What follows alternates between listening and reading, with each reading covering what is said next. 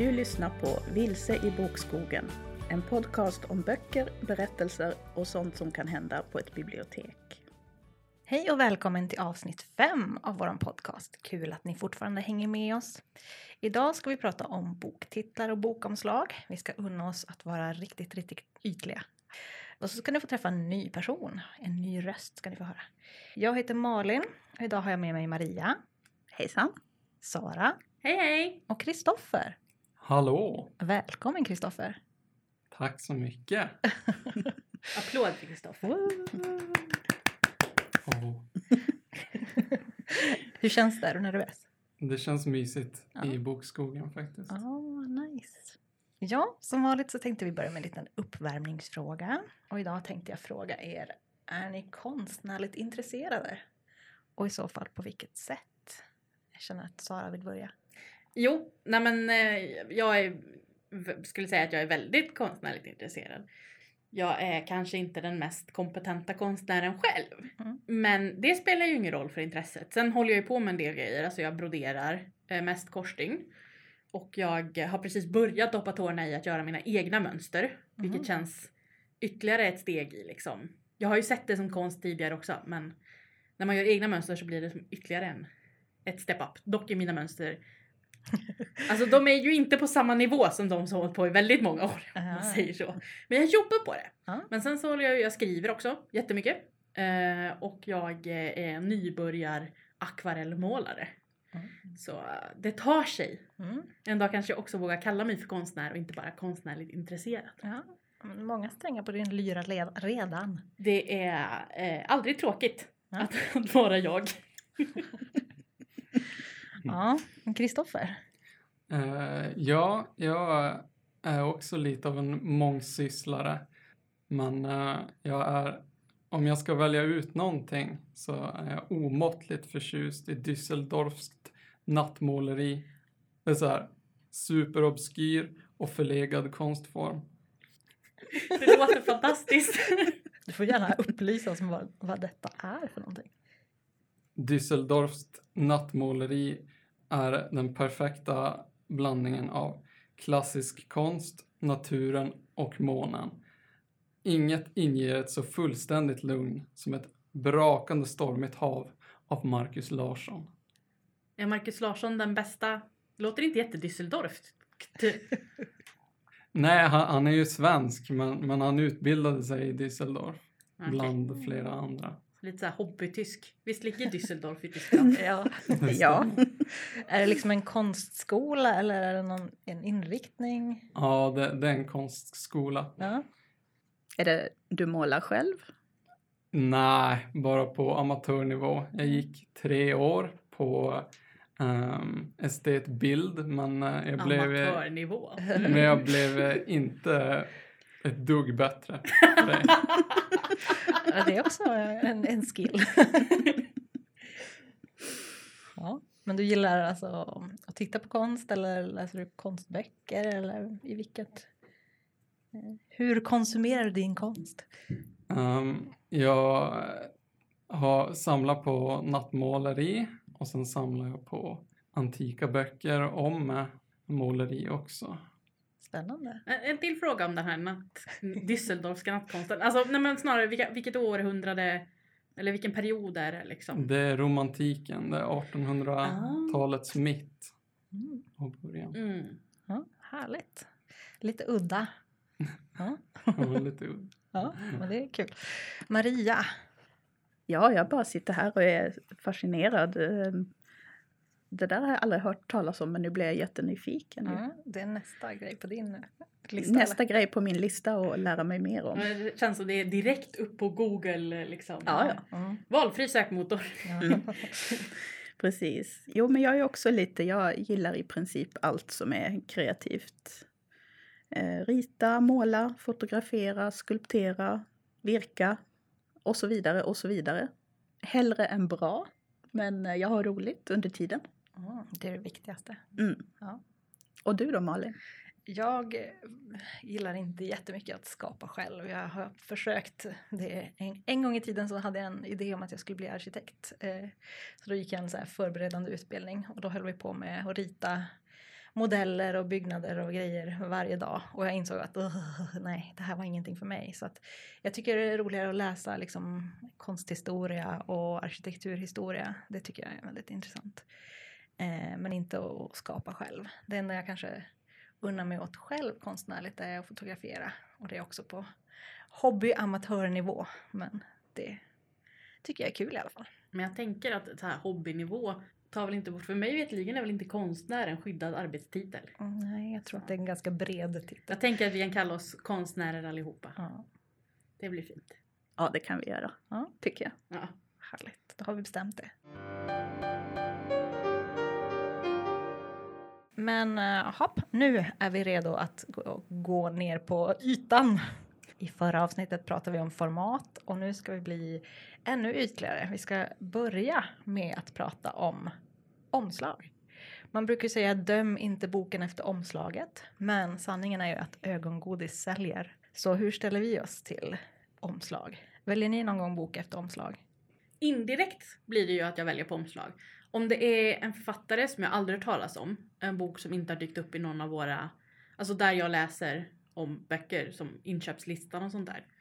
Och det inte är en författare jag brukar läsa, då är ju det sättet som jag blir indragen till att börja med. Att jag ser ett omslag och bara oj den här såg fin ut, jag måste kolla lite mer. Sen är ju inte det en del av min slutvalsprocess om jag bestämmer att köpa den eller inte, då är inte omslaget så viktigt. Men jag kan ju inte ljuga om att jag hade ju aldrig upptäckt den om jag inte hade sett omslaget. Så jag tänker att det, det spelar roll ändå. Mm.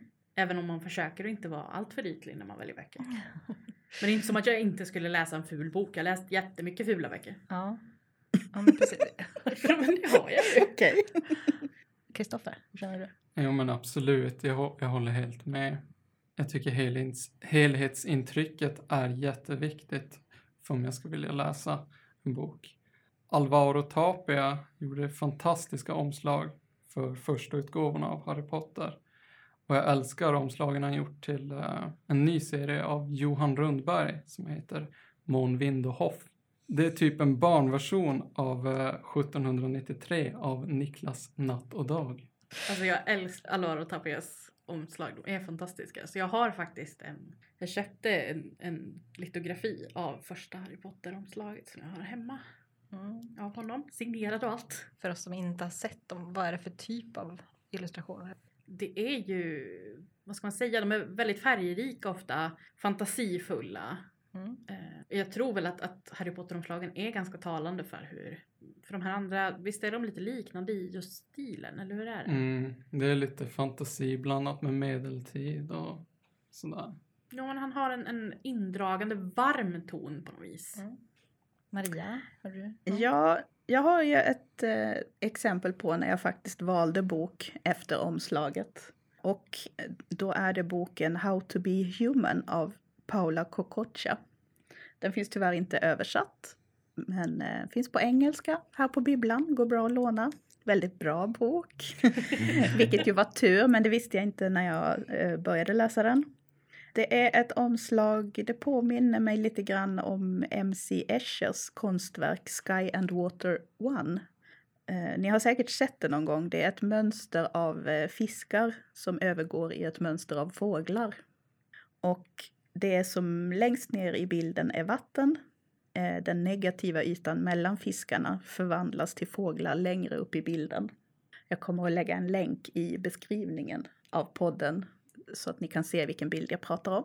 Och på det här omslaget så är det, det är ett mönster i orange och brunt. Det är bland annat fåglar och löv som bildar ett mönster.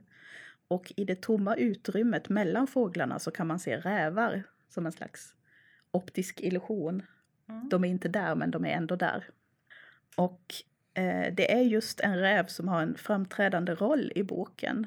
Och då är det lite kul att omslaget inte, inte helt rakt ut bara visar en bild på en räv utan att det är lite granna gömt också. Det hittar lite om att även berättelsen, man vet inte riktigt vad som är vad. Mm. Det är spännande. Vi kikade på, på boken i bokhandeln och den nya utgåvan hade en räv på omslaget. Ja, just det. Så att, eh, Och den är inte lika, den är, det är inte ett lika bra omslag, nej, tycker jag. Den hade inte fångat dig som läsare. Jo, förmodligen, för Ja. det, det var en fin räv på. Men Okej. eh, Men hade du liksom blivit lockad av den titeln? Eller omslaget? inte på samma sätt, tror jag.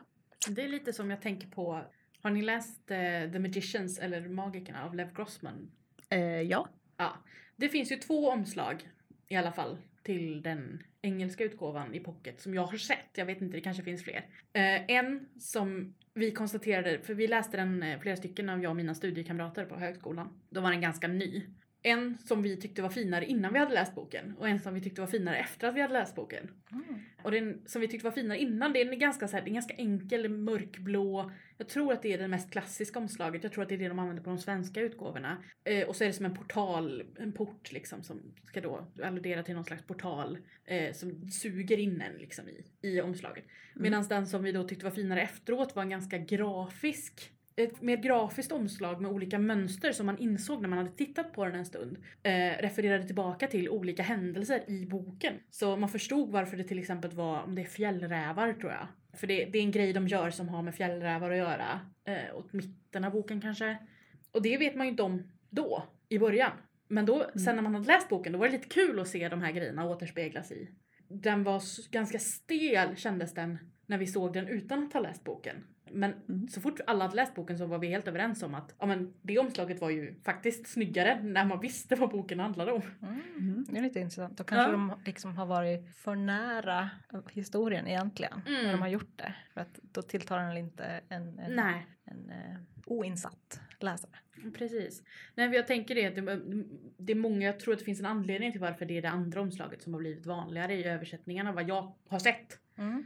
Men som sagt, jag tycker bättre om det som är det mer stilistiska omslaget. För att, och det är ju bara då, har ju bara att göra med att jag har läst boken och förstår vad det är de refererar till. Mm. Så det är som en fanutgåva egentligen. Ja men nästan, det är lite en sån där, man lånar den, den ena på biblioteket och sen köper man den andra till sig själv om man vill läsa om den. Ah. Åh. Bra marknadsföringsteknik också. Kanske vore något.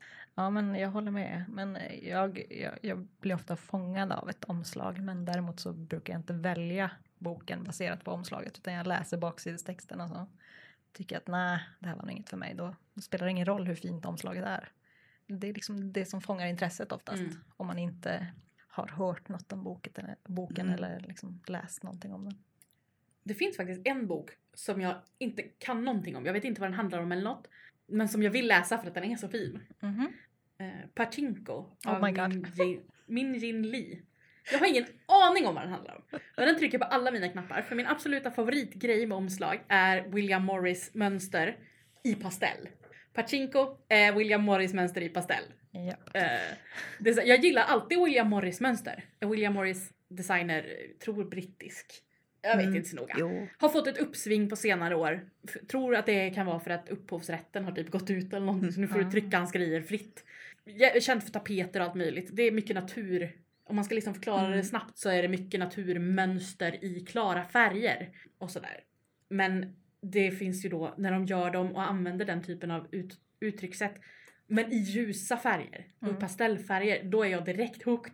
Men jag kan som sagt ingenting om den här boken överhuvudtaget. Ingen aning om vad den handlar om. Det är den enda boken som jag kan komma på som jag vill läsa som jag inte vet någonting om. Bara för att den är så himla fin. Det är lite lustigt för vi hade tagit fram så exempel på böcker som har snygga omslag. Och eh, det är faktiskt den boken jag har valt. För när den kom som ny bok så bara såg jag den i hyllan och bara oh, den vill jag läsa. Den är så snygg så jag vill läsa den. Och det var inte så vanligt med den typ, för den är väl några år gammal nu. Eh, 2017 tror jag eller något sånt där. Ja. Och det, det var inte, det har ju blivit en större grej att ha den typen av, av mönsteromslag. eh, Men den var väl ganska i, i bräschen på det när den kom, Ja. var den inte det? Det vet jag faktiskt inte. Jag har inte sett någon bok som liknar den. Nej, den är ju unik, Mm. helt klart. Det är den. Och det är som väldigt, jag får en asiatisk koppling direkt Jo. när jag ser för att det är liksom blommor och så är det lite så här vinrankor nästan och sen är det kojfiskar i någon slags vatten. Men det är väldigt harmoniskt även om det är väldigt mycket färger. Så Mm. att, eh, jag tycker att den funkar både genom att den berättar lite om boken och innehållet i boken. För jag har läst lite om den, baksidestexten har jag läst. eh, jag har fortfarande inte läst den men jag, den är på min att läsa-lista.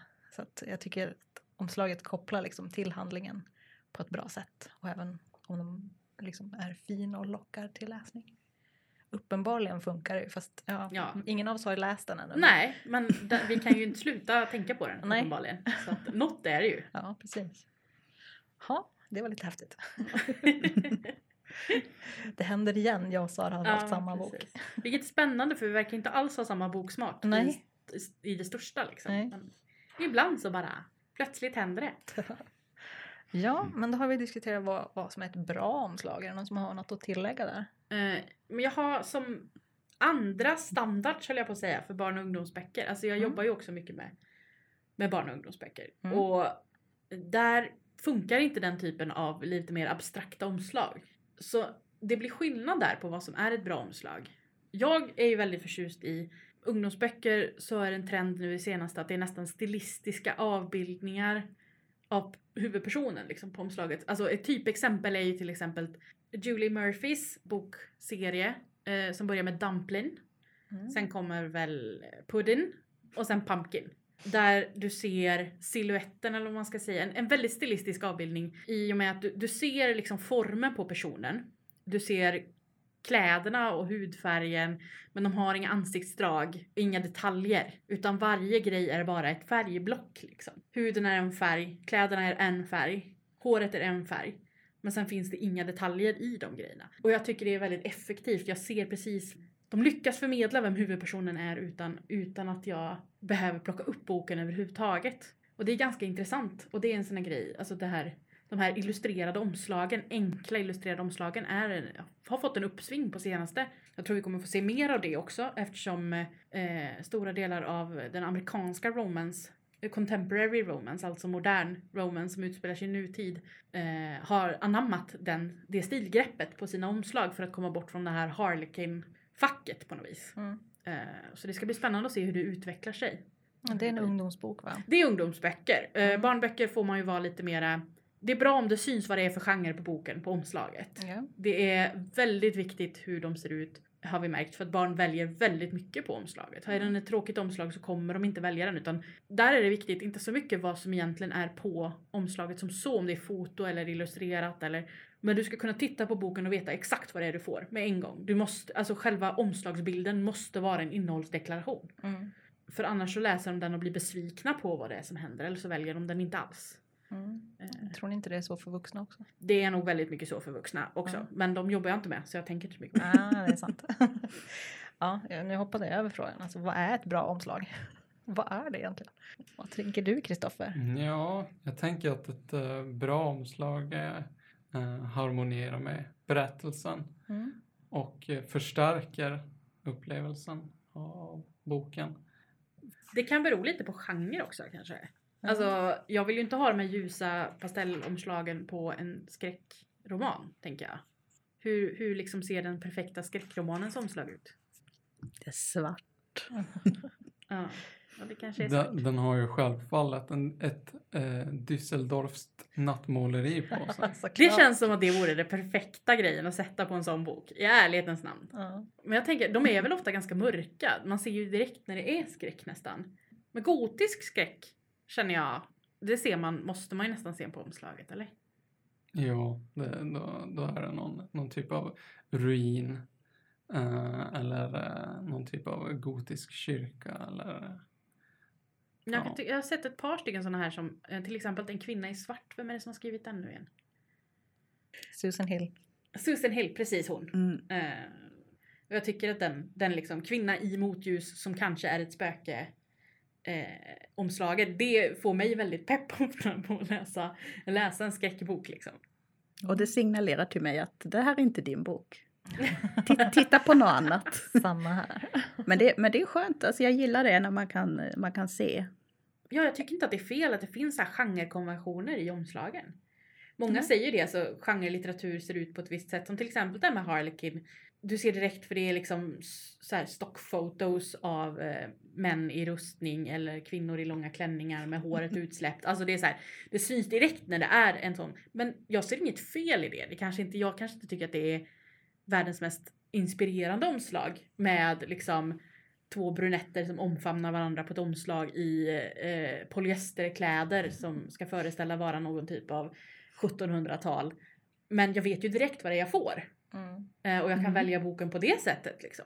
Jag ser att det här är en genre jag läser eller eh, något sånt. Och då, du kan välja utifrån det också. Det behöver ju inte vara ett konstnärligt omslag. Vi har ju pratat om det lite Mm. nu, vad vi tycker om för omslag. Och det känns som det är mer ur en konstsynpunkt nästan, estetisk synpunkt.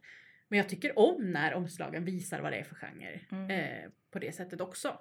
Det tycker jag med. Eh, Jag tycker att man, det ska berätta vad det är för typ av bok och vad man kan förvänta sig som, som läsare. Precis som för barn så tycker jag att det ska vara likadant för vuxna. Jag tycker att ett bra omslag lockar till läsning utan att vara för rörigt eller Mm. för stelt eller sterilt. Liksom. Jag håller med. Mm. Håller också med. Och jag hade nästan exakt samma formulering här som Kristoffer att, att det handlar om läsupplevelsen, att det ska stämma överens med innehållet. Eh, jag har ett exempel som är boken Varm mjölk av Deborah Levy. Omslaget är ett eh, foto av en kvinna med långt mörkt hår, röd bikini som står på en strand med ena foten i vattnet. Även om jag inte hade vetat något vad boken handlade om så hade jag ändå fått eh, en känsla av södra Europa, Medelhavet, sommarhetta. Det är den här kvävande värmen när man kommer upp över 35. Och jag tror att det omslaget förhöjde läsupplevelsen för jag får den här känslan när jag läser boken också. Mm. Jag kan ibland störa mig när det, boken handlar om en brunett och så är det en blond kvinna på omslaget. Då blir man så här, Mm.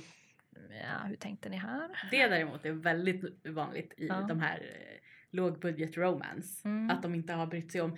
Det, I ett, en lång period var det också så att om bok, även om boken handlade om ett par, ja men även om boken handlade om, om rasifierade människor så eh, kunde omslaget vara vita Mm. eh, människor. För att det sålde bättre. Mm. Eh, och det är ju bara sorgligt liksom. Då säljs den ju till fel läsare kanske också. Ja men precis, det Ja. känns som att det är så här, försöker ni ens? Eh, då har jag ju större tolerans kanske med att de byter hårfärg, men det är fortfarande lika störigt. Och någonting, jag då som älskar eh, dräkthistoria Mm. eh, blir ju tokig när det är typ så här, ja men om de lägger en bok under romantiken, typ Jane Austen-tid och har en klänning på omslaget som är hundra år äldre. Bah! Säger jag om den Ja. saken. Då är vi tillbaka till det där med research. Ja men precis, Ja. research! Det gäller även för om det? omslag. Ja, det var i avsnitt två tror jag. Mm, ja. En recall för alla som har lyssnat. Någon som vill säga något mer om bra omslag? Jag känner att det är uttömt nu. Vi har sagt allt som finns att säga. Ja, Nej, Ja, men inte okej. allt. men- Tillräckligt mycket kanske.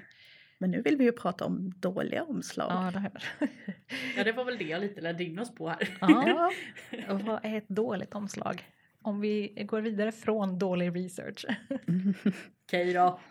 Men det är en sån här grej som vi pratat mycket om på barnavdelningen. Med dåliga omslag för barnböcker. Mm. Det är ju när omslaget ser ut att kunna varit ritat av ett barn. Till exempel. Det går de inte alls igång på. Mm. När det är för abstrakt. Man måste vara ganska tydlig. Eh, på ett sätt som jag tror man inte behöver riktigt vara För vuxna. för vuxna. Till exempel de här ja, men Pachinko-typen av omslag med mönster och grejer. Mm. Barn väljer inte riktigt. Det skulle kunna vara äldre barn möjligtvis. Men eh, om vi tänker bilderböcker och sånt. Du måste nästan ha huvudpersonen på omslaget. Det ska vara snyggt ritat. Det ska liksom vara eh, klara färger, tilldragande på något vis. Ehm, det får som inte ser hafsigt ut. För då väljer barnen inte det längre. Och jag tänker att en del, det finns en del, nu tänker jag liksom inte peka ut någon här. Men, men det finns förlag som inte eh, riktigt verkar ha hittat balansen. Och även, det händer ju även i självutgivning eller och även stora förlag ibland. Det blir som en miss om man bara, vi som jobbar med barn ibland ser att nej men det här var väl kanske inte ultimat. Mm. Jag är inte rätt tänkt där. Nej. Ett eh, exempel på en eh, bok där innehållet verkligen inte matchade omslaget. Hotell Sista Chansen av Nicky Thornton. På omslaget är det så här eh, min favorit blå färg och så är det två jättekraggliga träd och så är det en, en byggnad som ser så här gotisk ut. Och så uh, börjar man läsa och sen så är det massa karikatyrer av personer som man inte alls, eh, de, de får dem inte alls att verka intressanta. Och sen så pratar de, jag kom tio sidor in i den här boken och de pratar i princip bara om att eh, laga mat och, och massa bakelser och ja, ja, det var helt ointressant. Eh, dessutom så var det en hel del ord som jag aldrig hade hört talas om och den här boken är ju då avsedd för barn i ja, men typ 10 till 13 år. Och jag tänker att de kommer ju lägga ner den här boken efter andra sidan. Jag tänkte det. Jag var så här, men det kan ju vara nice. Jag gillar ju att läsa. Jag har ju en, en liten förkärlek. Den enda gången jag läser till exempel contemporary romance är ju om den handlar om matlagning och bakning. Om de har ett litet café eller någonting. Jag älskar att läsa om sånt. Men jag är ju vuxen. Jag är ju inte 10 till 13. Då kan jag inte tänka mig att jag hade tyckt att det var särskilt intressant heller. Nej, men du kanske inte hade valt den boken och trott att den skulle handla om bakning. Nej men det är ju det. Ja. Jag hade ju inte valt, jag hade ju valt den för att den ser läskig ut. Ja.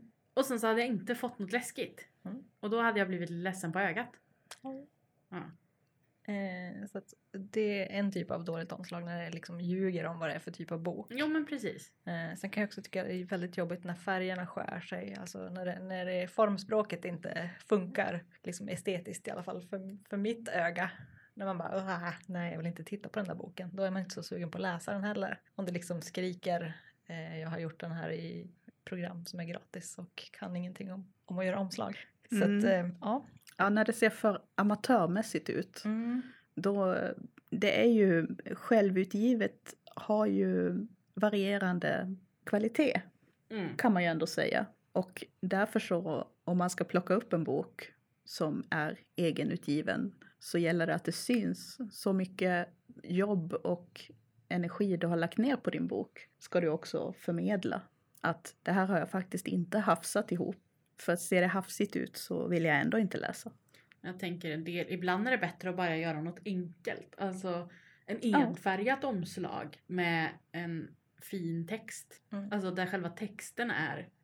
Du väljer typsnitt och en färg på texten som kontrasterar fint med det enfärgade omslaget. Det kan räcka, alltså det är en typ av bok det också. Det kan vara bättre än att försöka göra ett havsverk eller någonting som man inte riktigt förstår sig på eller lyckas få till. Mm. Ja, det är ju tråkiga böcker när de är liksom enfärgade. Och, och, Jo. Men det är i alla fall bättre än en, en gräslig bok. Jo, och blir man tillräckligt känd kan det bli en grej tänker jag. Jag Mm. vet inte om ni, hur mycket ni läser Jean eller om det är bara jag som är helt kär i Jean. Isländsk författare. Jag tror att du är ensam i det här rummet i alla fall. Älskar Jean. Eh, det är väldigt tråkiga omslag. Men de funkar. Alltså för böckerna är, jag höll på att säga, det är väldigt tråkiga böcker. Men det är inte det som jag menar. De är liksom eh, eh, sega på sitt sätt. Även om de inte är svårlästa så är det känns, när tiden går så känns det att tiden går. Liksom. Och just nu, men senaste boken, Codex 1962, som egentligen är ett hopslag av två tidigare böcker och en tredje bok till någon slags fullständig saga eller vad man ska säga. Den i sig är, alltså omslaget är helt okej. Det är mörkgrönt och så står det Codex 1962 på omslaget. Men sen öppnar du den och då på insidan av pärmarna, jätte jättefint, så är det ju ett mönster liksom. Ett små, små romber liksom så här, något typ av, men som eh, medaljongtapet fast, fast riktigt, riktigt pyttigt. Jättefint tyckte jag tills jag började läsa boken. För att när du slår upp boken i hård pärm, då ser du fortfarande lite av insidan. Och då blir det som när folk bär smårandigt eller smårutigt på TV. Det flimrar lite i ögat hela tiden. Det är lite störande. Jag har lyckats läsa den ändå, men jag har ju haft liksom problem med min läsning sedan jag hade covid. Och eh, jag kan ju säga att det gör det ju inte lättare. Men jag får till det. Du får lägga ett vitt papper. Ah, kanske ja, kan sticka in ett vitt papper där som bara Precis. blockar det här flimret liksom. Ja. Ja, så det är också värt att tänka på alltså. Ja, Insidan av, av boken kan också vara Mm. viktig. Det är ju säkrare att gå på ett enkelt omslag men de säljer liksom inga extra exemplar av den boken på grund av omslaget skulle jag känna. Men det kan ju vara den säkrare vägen att gå när man inte har så mycket erfarenhet eller eh, resurser i den eh, biten. Men någonting jag också kan störa mig på och det är ofta väldigt framgångsrika författare är när de har vunnit ett pris Eh, och så trycker de en jättestor prissymbol på omslaget. Det kan vara ett jättefint omslag och så mitt i omslaget så står det den här boken har vunnit det här priset. Eller den här boken har lästs av den här författaren som säger det här. Eh, och det liksom tar över hela omslaget när de liksom klämmer in de här liksom säljarcitaten eller säljarsymbolerna. Mm. Det kan jag störa mig väldigt mycket på. Mm. Jo men samma här. För att återknyta till enkla omslag så jag kan störa mig lite ibland, ibland på att uh, visst okej okay, att uh, man, man, sätter ett uh, omslag som är lite enkelt för att man inte har så mycket erfarenhet men välj inte så monotona färger. Personligen har jag ett, ett, ett stort agg mot både noveller och poesiböcker. Jag kan ofta tycka att de är väldigt monotona i färgerna. Ja, det, det, blir lite tråkigt. Jag blir sällan sugen på att läsa en novellsamling. Eller en... Mm. Nej, om man har någon lite smalare litteratur kanske det är ännu viktigare att ha ett snyggt omslag för att locka fler läsare. Ja, precis. Eventuellt. Ja, och sen tänk på kontrasten också. ja. Ur tillgänglighetssynpunkt. Aha. Mm. Men inga, inga prisblaffor på omslaget. Mm, nej, och i så fall diskret. Ja, man kan. och det är samma sak de här utlåtandena från orden. Visst pratade vi om det i förra avsnittet? Om det här med att ha bara sånt på baksidan. Sätt inte dem på baksidan heller. En prisblaffa kan du väl sätta på baksidan av boken om den inte är så inkorporerad i resten av konstverket kanske. Mm. Men de här citaten från andra författare eller läsare. Sätt dem inuti boken istället. Mm. Bara bort från liksom själva... Ja, och man absolut måste ha dem ja, överhuvudtaget. Precis. Mm. precis. Ja gud, jag har nog aldrig valt en bok på grund av ett sånt citat. Jag har däremot valt bort böcker på grund av citat. ja. Och jag har tänkt att åh, den här boken vill jag köpa, ha en egen uppgåva. Men då finns det ingen utan den här stora prisblaffan mm. på. Och man bara nej, okej, okay, ja. då, då var det ingenting. Nu ska vi prata om typsnitt, färger och bilder som vi redan har varit inne på lite. Men hur viktigt är de här olika eh, aspekterna av ett omslag? Maria, vad tycker du? Jag tycker de är viktigare än man tror. Eh, särskilt typsnitt. Det syns direkt om det inte har varit en formgivare inblandad. Då är det ofta de där lite spexiga typsnitten som finns i Word. Och eh, då, jag ser på Sara att hon vill argumentera här för jag har lagt fram en liten lapp med fyra olika typsnitt. Och överst har jag skrivit Comic Sans är det fulaste typsnittet, undvik alltid. Och hon vill säga någonting. Vad vill du säga Sara? Alltså, jag tycker inte heller att det är ett jättesnyggt typsnitt. Däremot så är det ju ett av de bästa typsnitten vi har eh, som är gratis. För att det är typ det enda som är eh, framtaget för att vara dyslexianpassat. Det finns flera dyslexianpassade men som är eh, betaltypsnitt. Jag vet inte om det finns några fler specialanpassade gratis typsnitt än den. Eh, det är inte mitt expertområde. Mm. Open Dyslexic finns också ah. men det finns inte installerat i Word. Nej, utan det är det här som är i Word som är det största dyslexivänliga. Och det är ju för att alla bokstäver ser annorlunda ut. Eller det finns inga bokstäver som kan flyta ihop i eh, Comic Sans. Men det gör ju också att det inte ser så uniformt ut.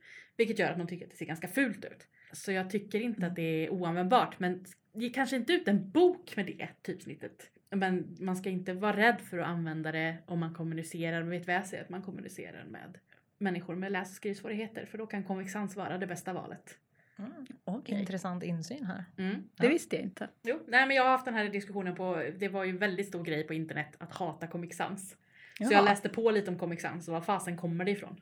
Mm. Det används ju ofta när man känner att här ska det vara lite lekfullt, vi ska vända oss till barn. Jag, jag trodde att man använde Comic Sans i, i såna här manga-berättelser huvudsakligen. Och, och då utgår jag från namnet också, att det är comic. För namnen på de här typsnitten brukar ju ofta säga någonting om vad det är för typ av typsnitt. Och jag har för mig när jag har läst i mangaböcker när jag var mindre så har de det inuti boken, skriver om Comic Sans. Ja, det kan jag inte säga att jag har tänkt på, jag läst en del manga. Men det är ingenting som har slagit mig, men det är, någonting comic är ju. Jag och en kompis var, var såna här riktiga weaboos när vi var små. Så vi Va, va, va, vad var ni, sa du? En weeaboo. Det, det var jag med. Va, vad är det för någonting? Berätta. En weeaboo är eh, en typ av person som älskar allt som har med manga, anime och Japan att göra. Mm, precis. Det, tänk anglofil. Det är ju ändå ett ord som många vet vad det är. Alltså de som är besatta av Storbritannien. Men eh, för Japan istället. Mm, Okej. Okay. Mm. Vi lär oss massor med nytt i det här mm. avsnittet. Och eh, på MSN-tiden, för er som kommer ihåg det, då hade vi namn som eh, anspelade på japanska namn och sen så skrev vi alltid i Comic Sans. Vad gulligt. Och sen så efter ett tag så upptäckte vi att eh, alla på internet tyckte det var cringe. Så då blev det ett abrupt slut på den Åh. sagan. Det var ju lite sorgligt istället. Ja. Alltså det är lite cringe. Men vi får Mm. äga våra bakgrunder du och jag Kristoffer. Det Man, får vi göra. Mm. Mm. man får lov att vara lite cringe ibland. det Ja faktiskt- gud ja. Det kan man absolut få vara. Ja. Men hur det nu än är, om du använder Comic Sans på ditt bokomslag så kommer jag att döma ut dig Ja, jo, som designer. vi är inte helt oöverens. Nej, Nej. Ja, vad skönt. men eh, jag har ju tre till. Det är Lucida Calligraphy som är lite grann kalligrafi kan man väl säga. Lutar lite grann. Vi har Papyrus som är lite, ska se lite handskrivet ut kanske. Och Vivaldi som är någon slags kursiv eh, historia. Svårläst. Men de ser jag en hel del på egenutgivna böcker. Och jag tycker alltid det är så synd för det ser så hemmasnickrat ut. Och amatörmässigt. Att man har gjort det i sin egen dator hemma. Och det är så synd för att det kan ju dölja sig väldigt bra böcker inuti. Mm. Det är kanske just för att alla har tillgång till de här, eller alla, Mm. men många Mm. har tillgång till de här Och det är typsnitten. inte jättemånga som vet att det finns hur mycket gratis typsnitt som helst att ladda ner Mm. och som är lätta att installera på din dator. Liksom, så att du också kan använda dem i Word eller vad det nu är för program du använder. För Ja, Det är ju inte alla som är medvetna om att den, den möjligheten finns. nej. Då ska man ju heller i och för sig inte ladda ner och använda något alldeles för spacigt. Men eh, du kan ju liksom hitta någonting Mm. som funkar. Du måste inte specialdesigna det själv. Nej, och så ska man inte vara rädd för att ta ett enkelt typsnitt men kanske använda storleken på bokstäverna, tjockleken, olika sådana saker för att bygga upp ett snyggt omslag. Mm. Ja, det, alltså, rena linjer brukar ofta vara ganska effektivt. Mm. Så att, Mm. hellre än lite swirly, swirly, swirly saker. Mm. Ja, Du ska ju gå och se vad boken och du heter. Mm. Det är Ja, nästan det viktigaste. Annars kan ingen berätta om boken för någon annan för då vet de inte vad den heter. Det har du rätt i. Mm. Helt sant. Och jag säger igen, texten måste ju harmoniera med omslaget. Ja, Ja. absolut. Ja, jag är en sån där som jag, jag blir knäpp när författarnamnet är större än titeln. Det händer ju så fort en författare blir lite känd Ja. så blir deras namn helt plötsligt väldigt stort. Halva omslaget är författarens namn. Mm. Och sen kommer titeln någonstans, man får leta lite efter den. Man bara, jag, vill att, jag vill lätt kunna se både författarens namn och titeln tack. Mm. Men man kan ju ofta se vad det är för typ av bok bara på typsnittet. Mm. Och jag har med mig ett litet exempel på det. Jag har en bok som vi har i biblioteket. Eh, Den är utgiven på tidigt 00-tal. Och det är En röd liten fågel i juletid av Fanny Flagg. Eh, Och det är en väldigt mysig liten bok om en medelålders herre som bor i Chicago men han har dåliga lungor så hans läkare ordinerar honom att flytta till ett varmare klimat. Och då flyttar han dit och träffar en massa nya människor. Och, eh, det blir ett mm, stort äventyr för honom. Eh, och med i den här boken så finns det en, en eh, fågel, en röd fågel som är en röd kardinalfågel som finns på omslaget på den här utgåvan som vi har på biblioteket. Det är en ganska prominent del av det omslaget. Eh, och så är det författarnamnet och titeln i ganska vanligt typsnitt och så är det lite snöfall i bakgrunden eh, och fågeln som sitter på en kvist. Men nu har den kommit ut, eh, 2017 kom den ut i ett så kallat feelgood-omslag skulle jag kalla det. Då är det lite pastellblå bakgrund.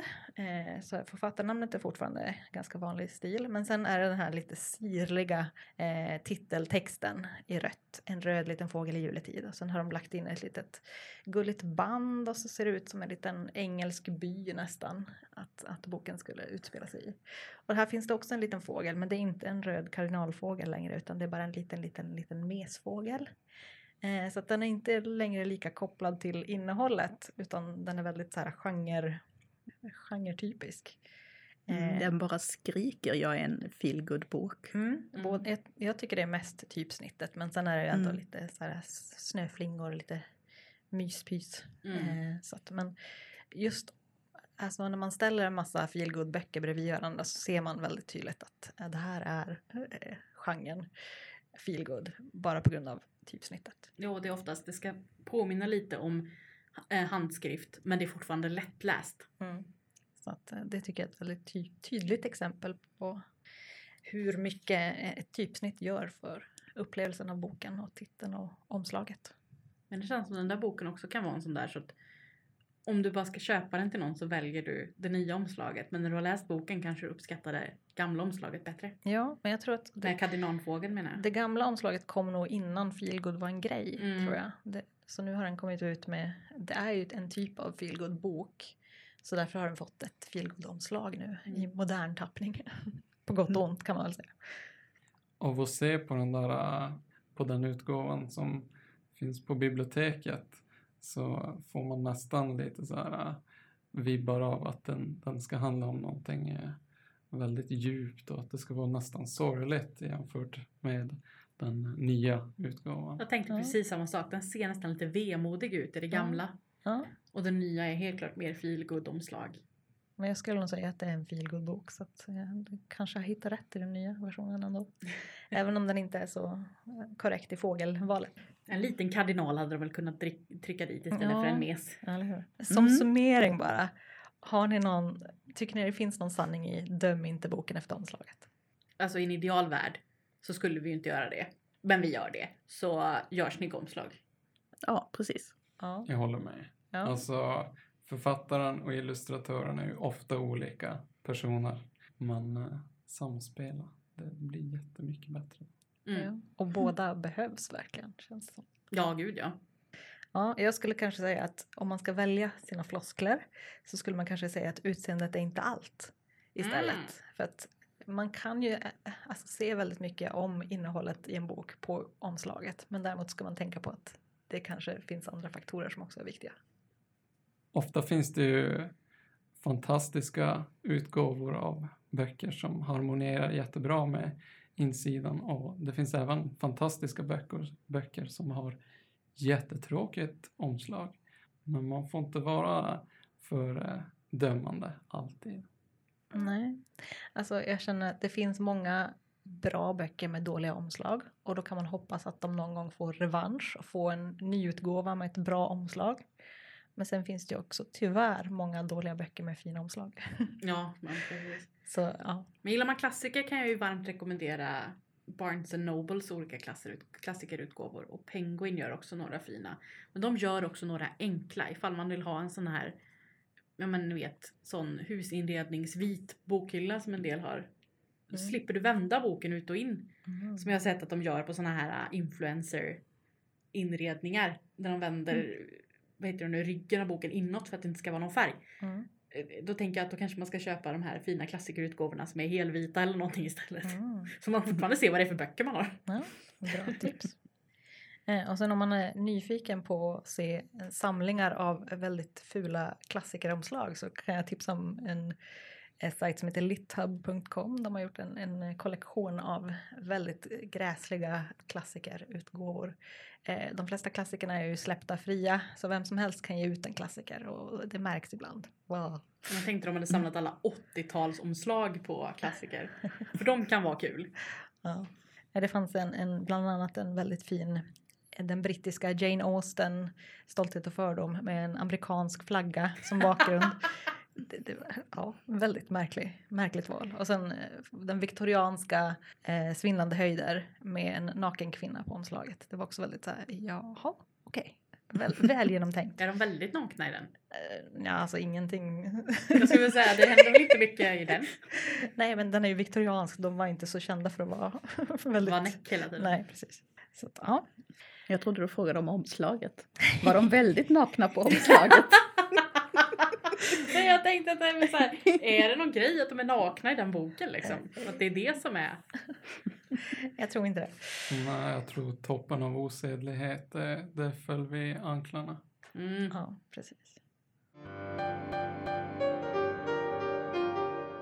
Okej, nu har vi pratat omslag. Ska vi prata titlar? Har ni starka åsikter här också? Inte lika starka åsikter faktiskt. Maria? Nej, det stämmer nog. Ja, Lite åsikter, men vi ska nog inte bli ovänner i alla fall. ja. Nej, det tror jag inte. Härligt. Kristoffer, har du också? Jag har någon pet peeve. Åh, oh, spännande.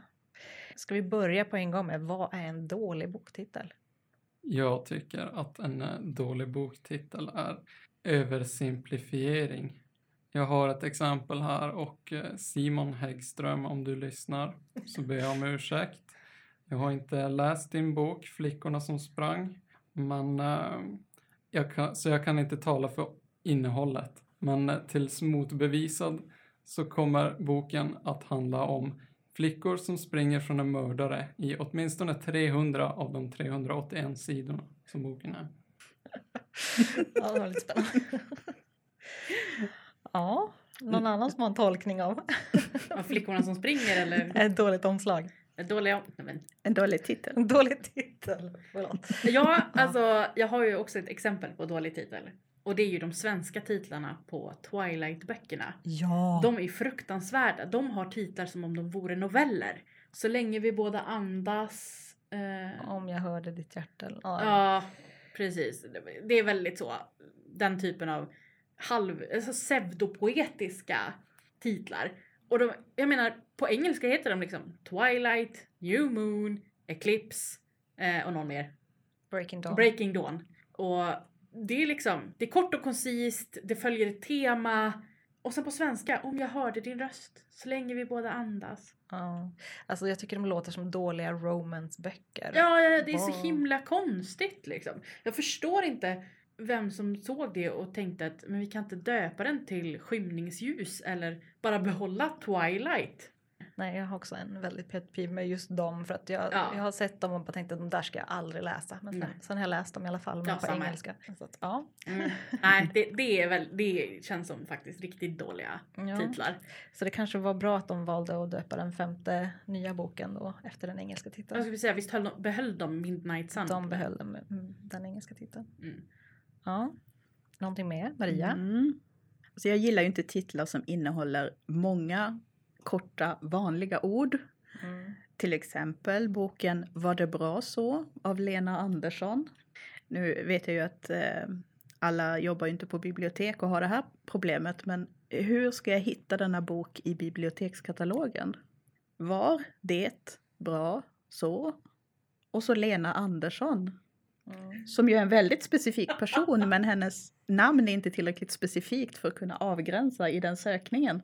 Nej. Nej, vi får ju upp exakt allting som innehåller de orden Ja, och eh, namnet då.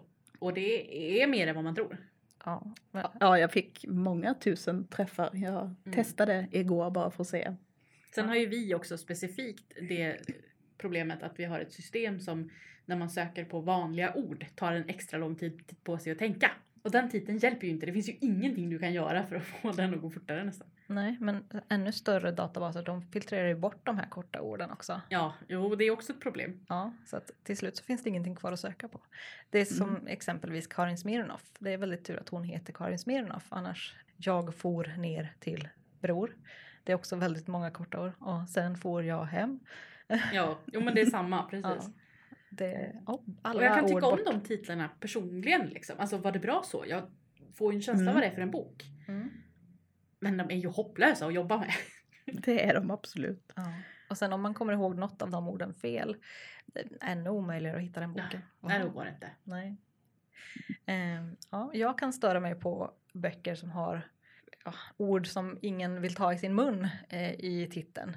Till exempel om man, om man tänker på nyutgåvan av boken Män visar äggplanta-emoji för mig. Eh, det, det står det på det nya omslaget av boken. Har de döpt om den? Alltså de har inte skrivit ut titeln på den för att antagligen så är den så stötande så att folk vill inte se den i bokhandeln. Jag vet inte. Det är bara min teori. Men ja, den heter ju inte äggplanta emoji men jag vill inte heller ta de orden i min mun så att eh, så vad heter den för den mig. heter? Jag har inga problem att säga det. Men visa kuken för mig, är det det Ja, den heter? precis så heter den. Eh, och likadant en uppblåst liten pips memoarer. och författaren heter som var Asa där? Berg. En uppblåst, är det en fitta där? Ja, precis. ja, du har inga problem att säga det. Jag har, jag- det här jag- är ett problem jag inte har uppenbarligen. Nej, Det är samma sak alltså, när folk kommer in och det var, jag har haft in några sådana här blyga som inte har, som haft problem att fråga efter till exempel bitterfittan och sådär. ja. Eh, men det, det här är ju uppenbarligen ingenting jag som är uppvuxen med. Nej. eh, i ett hippiehem hem har några problem med. Nej, och det behöver inte vara ett problem. Men däremot är det många som tycker att det är väldigt jobbigt Ja. att säga Ja. titeln på de här böckerna eller fråga efter dem Mm. eller liksom eh, skriva om dem i artiklar på nätet. De kan bli bortcensurerade i sökmotorer när man, när man skriver. Så att det är ju inte en bra titel om den liksom filtreras bort på flera olika plan. Nej. Eh, så att jag vet att båda de här böckerna har liksom, det finns en politisk eh, statement bakom varför de har valt de här titlarna. Och det är inget fel i det, men det är fortfarande inte en bra titel. Så att, tycker jag. Mm. Då tycker jag ju snarare att problemet är att sökmotorerna är liksom för prudentliga. Det får man tycka om man vill. Ja, Mm. Ja. alltså för det, till syvende och sist så är det ju ord. Liksom. Ja. Mm. Jag är all for eh, freedom of speech och eh, jag, jag kan gilla ändå när, när eh, författare vågar ta i lite med sina titlar. För då, då vet man att de menar allvar. Men ehm, det är bra för sin egen skull också att tänka på publiciteten i dessa dagar av informationskrig. Mm. Yes. Men jag tycker också om vi går ifrån det så kan en dålig titel också vara en tråkig eller intetsägande titel. Mm. Och eh, det kan också vara en väldigt vanlig titel. Jag har tagit ut en liten lista eh, som jag bara har gjort en liten sökning i våran egen bibliotekskatalog. Här har jag en topp 10 som jag har hittat. Vanliga titlar. Och jag, nu har jag bara räknat antalet unika böcker och inte flera utgåvor av samma bok. Så. Men titeln Tro på kärlek, fyra böcker. Avslöjandet, fem böcker. Kärleken, fem böcker. Älskade barn, sex böcker. Älskar, älskar inte, sex böcker. Sista resan, sju böcker. Slutet, åtta böcker. Stormen, 14 böcker. Skuggan, 15 böcker. Och Hemligheten, 22 böcker. Så att det är Oj. liksom, du kan drunkna i en flod av information om du väljer en sån titel. Ja, jag tänker det kom ju ut två böcker exakt samtidigt som heter Familjen. Mm. En för vuxna och en för barn. Ja, det Det var roligt att försöka lista ut vilken av dem folk ville ha. Ja. Eller när folk hade reserverat den själva och få Mm. liksom, ja, men en vuxenlåntagare fick helt plötsligt fick en barnbok som är en jättebra barnbok. Eh, Mm. är Cecilia Lidbeck tror jag som har skrivit Familjen för barn. Eh, så jag rekommenderar varmt den för de som vill läsa om ett barn som är med, i- växer upp i en sekt. Men eh, det är ju inte en vuxenbok, den är inte riktad för vuxna och folk blev väldigt förvånade när de fick den i handen. Så eh, Mm. de, de fällorna kan man undvika om man vill. Men om vi ska ta de här korta, koncisa eh, titlarna som vi pratat om, Mm. Slutet och stormen och vidare, Ja. eh, och vända dem till någonting positivt så är din typ av titel jag personligen gillar. Mm. Även om de som bibliotekarie kan vara lite krånglig. Men jag tänker till exempel på Mats Strandbergs samlade verk. Han är ju någon slags svensk expert på att använda ett ord och väldigt kärnfullt säga vad det är hans bok handlar om. Eh, jag tänker främst på till exempel hans skräckböcker Färjan, Hemmet, eh, Konferensen. Det är ju det de handlar om. Det handlar om en Finlandsfärja, det handlar om ett ålderdomshem, det handlar om en konferens med skräcktema. Så man vet ju liksom vad man får på något vis. Mm. Eh, och jag kan gilla det. Det- blir så alldagligt, de här alldagliga vanliga titlarna liksom. Hur många människor i, Sverige har inte åkt Finlandsfärja? Och så läser man om det i den här kontexten där det händer sjukt mycket otäcka saker. Men han har ju ändå liksom skapat sig ett namn. Så att, Jo, han har ju ett namn som går att söka på. Precis. Men också liksom, som rent personligt så gillar jag verkligen dem.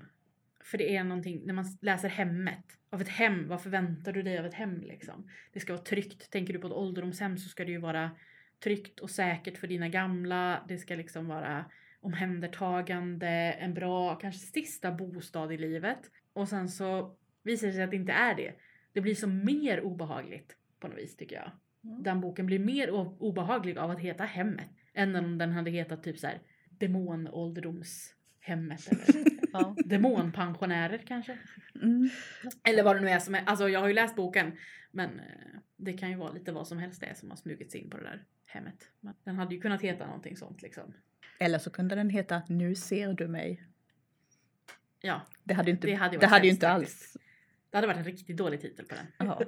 Men det kan ju deckare heta. Ja, jo, det Mm. hade de ju kunnat heta. Ja. Jag vet inte om jag tyckte det var så bra då heller. Nej, nej, jag menar att det är en dålig titel.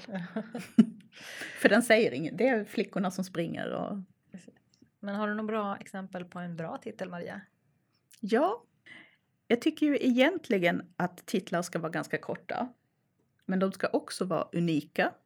Och när det inte går att få ihop så är, tycker jag då att en lång titel som väcker ett slags intresse och frågor är rätt så bra.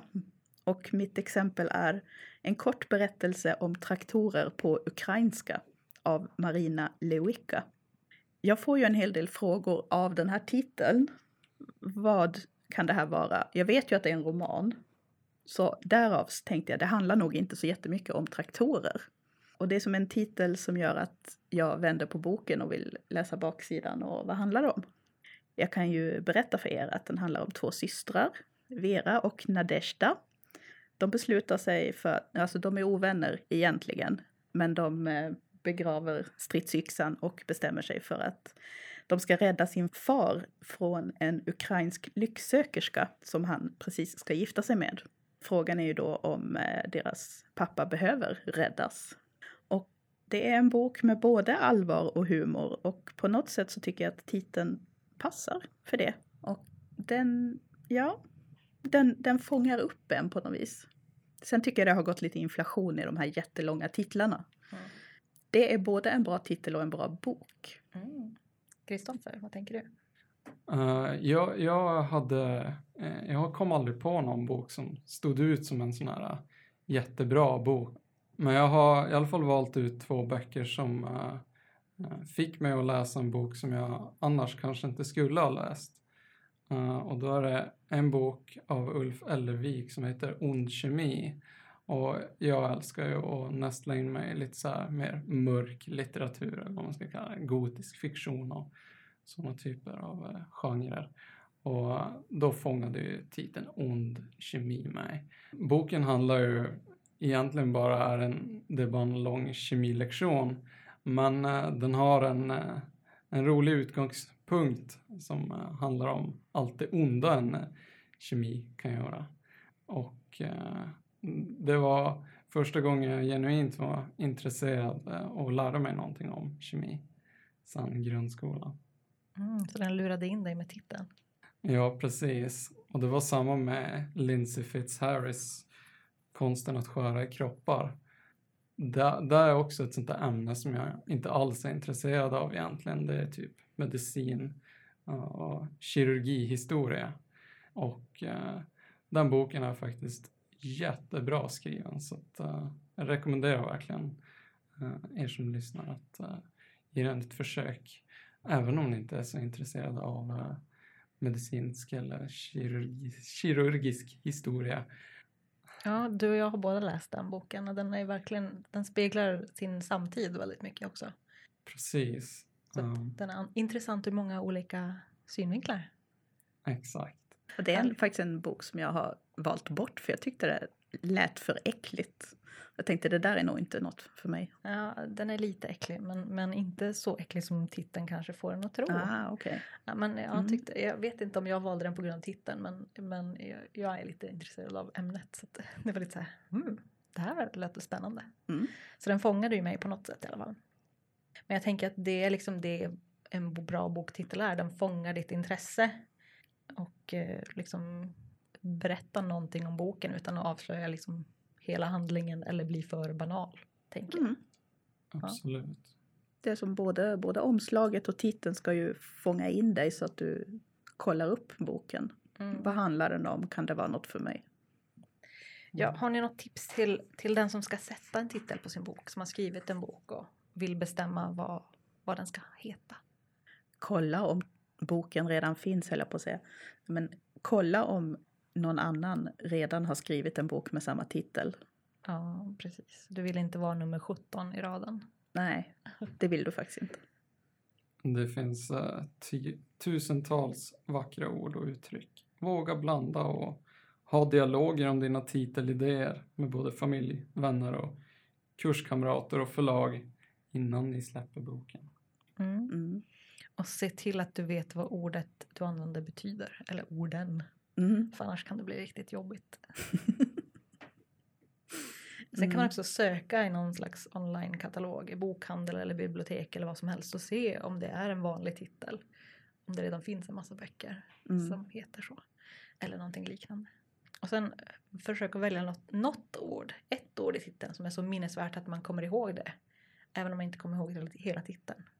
För det, Mm. då, då kan man locka folk till att köpa böcker eller låna böcker för att då vet de vilken bok de är ute efter. Mm.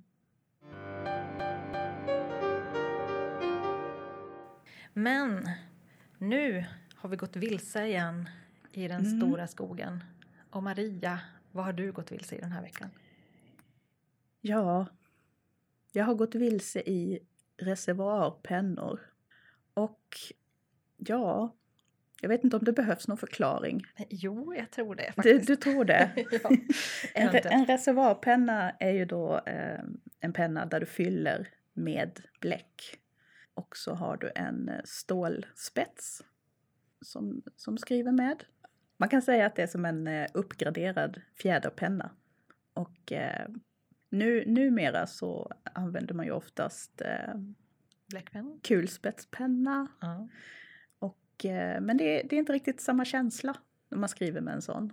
Och eh, först så tänkte jag bara att jo, men jag skulle vilja ha en sån och eh, rita med. För jag hade sett någon konstnär som gjorde det och eh, det såg så eh, det blev så snyggt. Mm. Så jag tänkte jag vill också prova. Men sen så när jag började undersöka lite, det finns så många olika sorter, det finns så många färger, det finns så många olika bläck, det finns bläck med glitter och skimmer och som byter färg och sen var det ju kört för sen var jag helt, helt förlorad i allt det här. Och började köpa bläckprover på Ebay som kommer i små eh, provrör. Så att eh, det ser väldigt suspekt ut. De är lite rödaktiga.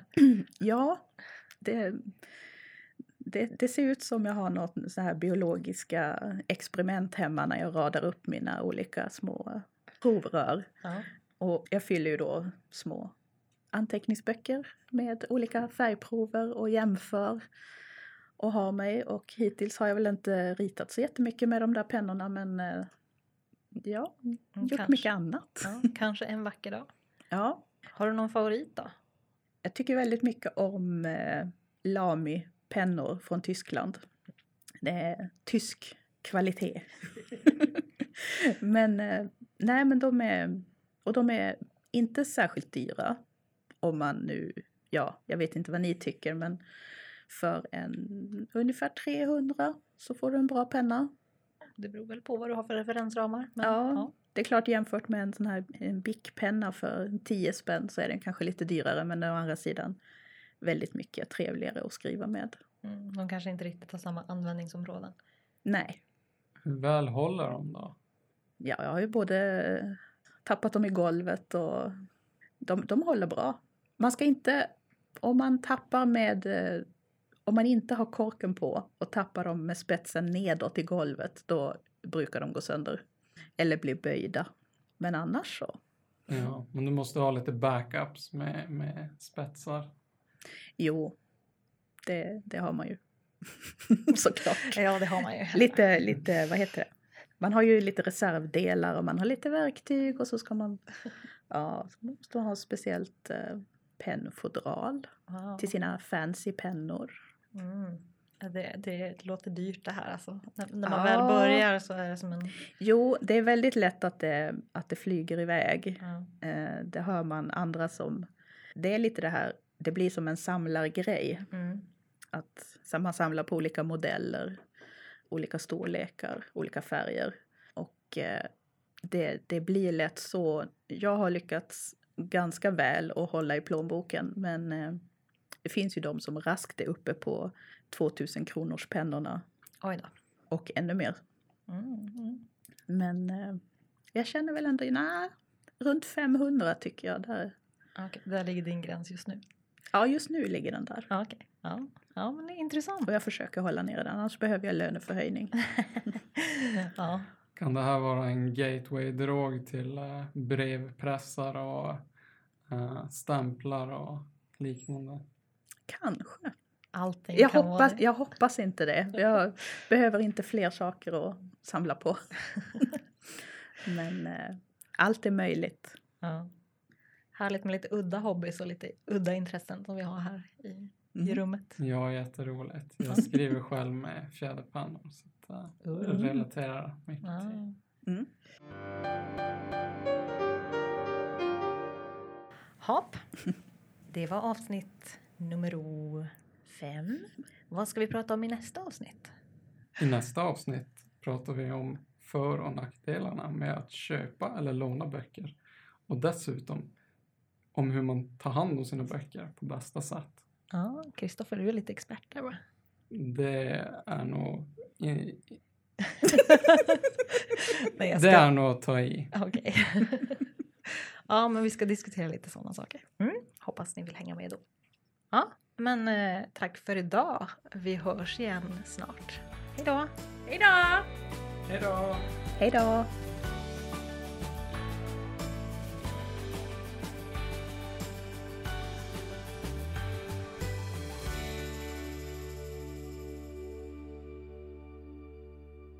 Puss och kram.